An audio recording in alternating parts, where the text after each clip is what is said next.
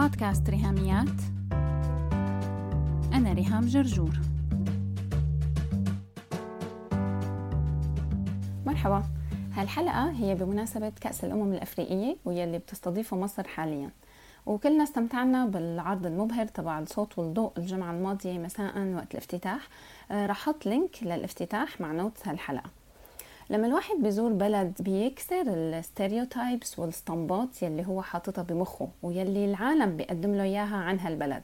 وقديش حلو إنه الواحد يسافر ويزور بلد أثناء حدث كبير مثل الناس اللي جاي هلأ على مصر والناس يلي سافرت على روسيا الصيف الماضي وحضروا كأس العالم. رشا رشاد كانت ضيفتنا بوحدة من حلقات واو ببودكاست ريهاميات واليوم عنا الحلقة العلاوة يلي هي حلقة علاوة bonus episode رح تحكي لنا فيها رشا عن سفريتها على روسيا بصيف 2018 لتشجع المنتخب المصري بكأس العالم. رشا إن رشا كأس العالم روسيا صيف 2018 احكي لنا عن مغامراتك هناك. روسيا على عكس اللي إحنا عارفينه هنا في مصر واللي العالم عارفه هي مكان مرحب جدا كبلد لأن الناس حلوة. يعني الناس أخلاقها شرقية وكريمة وعشرية وخدومة لأقصى حد. وده مش بسبب إن بوتين كان عايز كأس العالم يفرح. ده ده يعني دي حاجة بتعرفيها لأن هي لو مش جواهم هيبان. الفيزا بتاعت روسيا صعبة. الاحتياطات الأمنية مريبة شوية يعني بتخليكي بتخلي الواحد ماشي ملبش وفي مافيا هناك وسرقات بتحصل وانتي أصلا مواطن درجة عشرة لو انتي رايحة وانتي مش روسية. دايما مشكوك فيكي مش بس باسبورك المصري أي باسبور. مفيش جنسية بتحوق في روسيا يعني. فالدولة البوليسية حاجة والناس الروس حاجة تانية. وإحنا في مصر يمكن عندنا سمعة سيئة عن الروس من الرحلات بتاعت شرم الشيخ والغردقة وكده والموضوع مش زيه خالص بالعكس.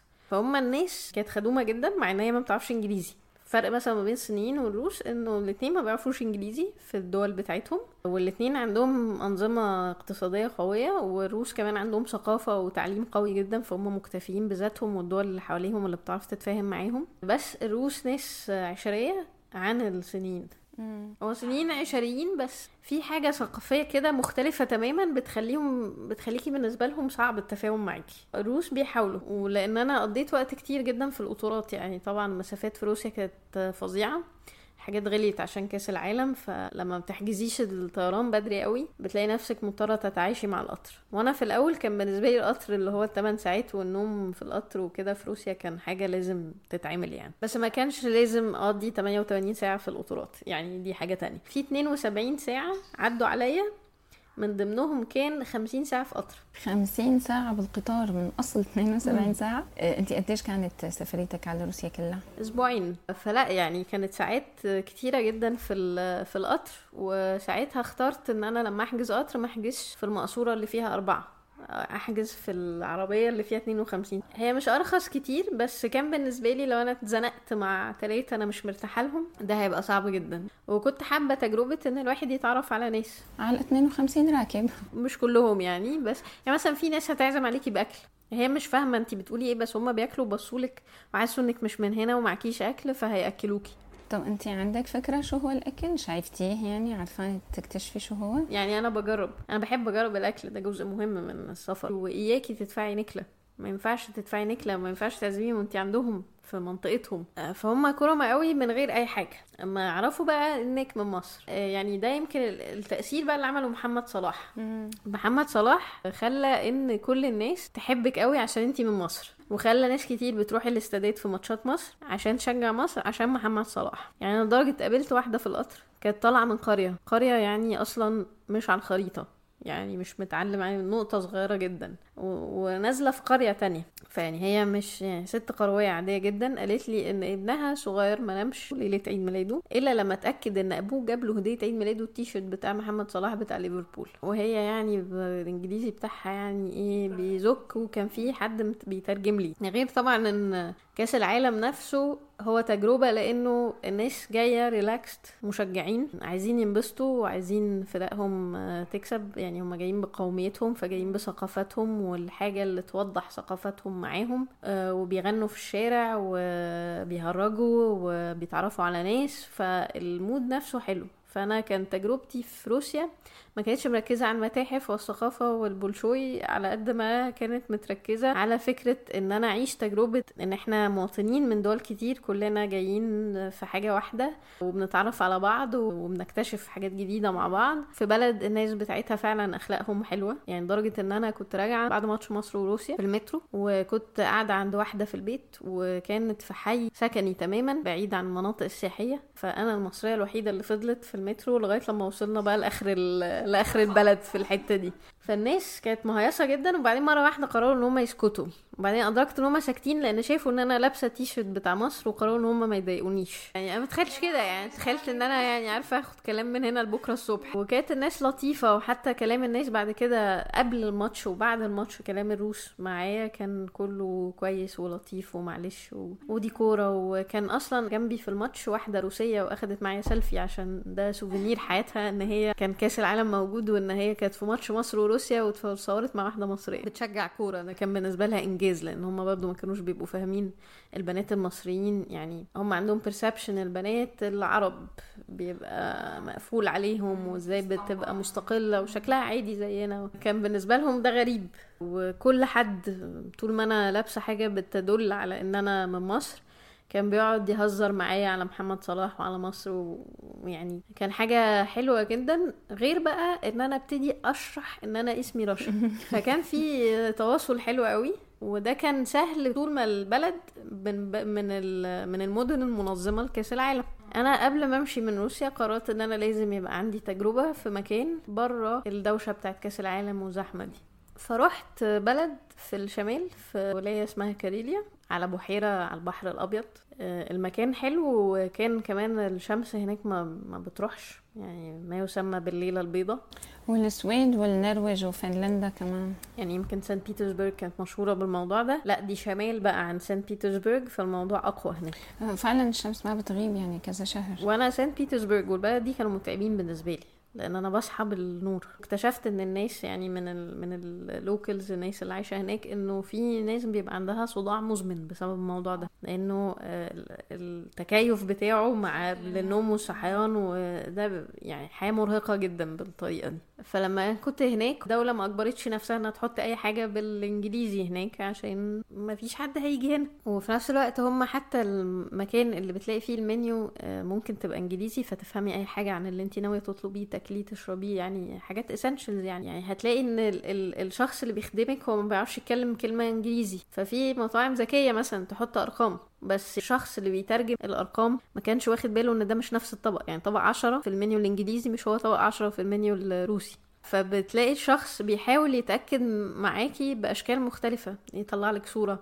يمثل تمثيلية يدور على وزن الطبق. يعني مثلا لو في حتة لحمة بيبقى مكتوب الوزن أو حتة سمك بيبقى مكتوب الوزن فبيماتش الوزن. أنا اتعلمت شوية أقرأ الحروف فابتديت أفهم الأطباق اللي أنا بحبها شكلها إيه بالروسي بالحروف ال Cyrillic بتاعت الروسي. في الشمال قوي هما اللغة التانية فنلندي مش إنجليزي. يعني لو رحت متحف الترجمة في الفنلندي مش شرط تبقى بالإنجليزي أو بالإنجليزي تبقى ضعيفة قوي. ومع ذلك كان لطيف. يعني كان كله صعوبة عشان أنا مش فاهمين حاجة وكان لطيف. والأصعب من كده إن أنا ابتديت أفهم الدولة البوليسية شوية في روسيا. لأنه أول ما نزلت من القطر لقيت واحد بيقول لي حاجة أنا فهمتها إن هي تاكسي. قلت له لأ أنا have taxi يعني كان في تاكسي كنت مخلية الأوتيل يبعتوا لي البلد بتتاخد مشي وأنا مكنتش متأكدة هاخد مواصلات إزاي أو ما كنتش عايزة أمشي شايلة الحاجات. بعتوا لي التاكسي فأنا نازلة من القطر بقى عايزة أوصل له عشان الراجل ملطوع بره. فالراجل ده عمال يقول لي تاكسي وأنا مش فاهماه. وبعدين مرة واحدة لقيته بيجري ورايا وراح رازع في وشي ال badge بتاعه اللي مكتوب عليه بوليس إيه بوليس! الراجل كان جاله انهيار عصبي من ان أنا متجاهلاه وأنا ما كانش قصدي فعلا ما كنتش فاهماه يعني في الأول. فأدركت إنه ده ده بقى الروتين اللي أنا كنت أسمع عنه بيحصل في روسيا إنه أنا شخص غريب في بلد فهو أول حاجة بيشوفها بيشوف الباسبور بيسألني أنا جاي هنا ليه بيتأكد أنا قاعدة فين وبيكلم الناس دي ولازم الأوتيل أو الناس اللي قاعدة عندهم يسجلوني إن أنا جيت البلد دي. حتى لو أنا روسية ورحت بلد غير البلد اللي أنا عايشة فيها على سبيل السفرية لازم يعملوا ال registration دي. ان هو يسجلوا ان أنا رحت البلد دي وقاعدة في العنوان ده. حاجة أمنية محكمة تماما يعني. ولازم تمشي في الشارع بباسبورك عشان ممكن يطلب منك في أي وقت. الراجل سألني على الطيارة اللي أنا هرجع بيها مصر. مش اللي هرجع بيها موسكو لا اللي هرجع بيها مصر. وما كانش متخيل يعني تقريبا ما فهمهوش إنه في كأس العالم ما بناخدش فيزا بناخد fan ID. هو فاهم إن في ختم ففاهم إن أنا داخلة شرعي. بس مش فاهم يعني إيه fan ID. فجاب واحد يترجم والراجل شايف إن باسبور من بلد اسمها مصر لكن مصمم إن أنا بشجع البرازيل. يعني هو بالنسبة له الكورة يعني برازيل. مفيش ولا مكان في في البلد كلها بيلقط أي قناة بتذيع كأس العالم. في لالا لاند مش موجودة أصلا معانا في العالم يعني ف انه شرطي ولا بيعرف إنه في كأس عالم ولا بيعرف الفرق بين الفيزا وال fan ID. هو عارف إن في كأس عالم الحمد لله يعني. ما أعرفش الفرق ما بين مصر والبرازيل يعني. بس مش مشكلة مش عارف. هو واضح عنده إن أنا جاية من مصر ومع ذلك هو عمال يقول لي برازيل برازيل. فدي تجربة يعني كان ممكن يعني الراجل ياخدني من قفايا على الاسم يعني فهو أنا بتهرب منه. روسيا بلد الناس بتاعتها حلوة في أغلب الوقت وممكن يعمل أي حاجة يطلع بره مساره عشان يساعدك. يعني في واحدة في موسكو العاصمة. أنا كنتش عارفة ما كانش كل محطات المترو كتب أساميها بالإنجليزي وده كان أول ما رحت. سابت صاحبتها وسابت المحطة اللي هي كانت عايزة تروح لها وجت ركبت معايا المترو وصلتني وبعدين نزلت وركبت بقى الناحية التانية عشان تروح المشوار الأصلي بتاعها. لأن هي ما كانتش بتعرف تتكلم إنجليزي فمش متأكدة إن أنا هفهم. ومش لوحدي حصل لي موقف زي كده. وموقف زي ده عشان يحصل ملوش دعوة بالتعليمات يعني مش مفروض عليا إن أنا أعمل حاجة زي كده. ده أكيد أنا شخص أخلاقه كريمة للمرحلة دي.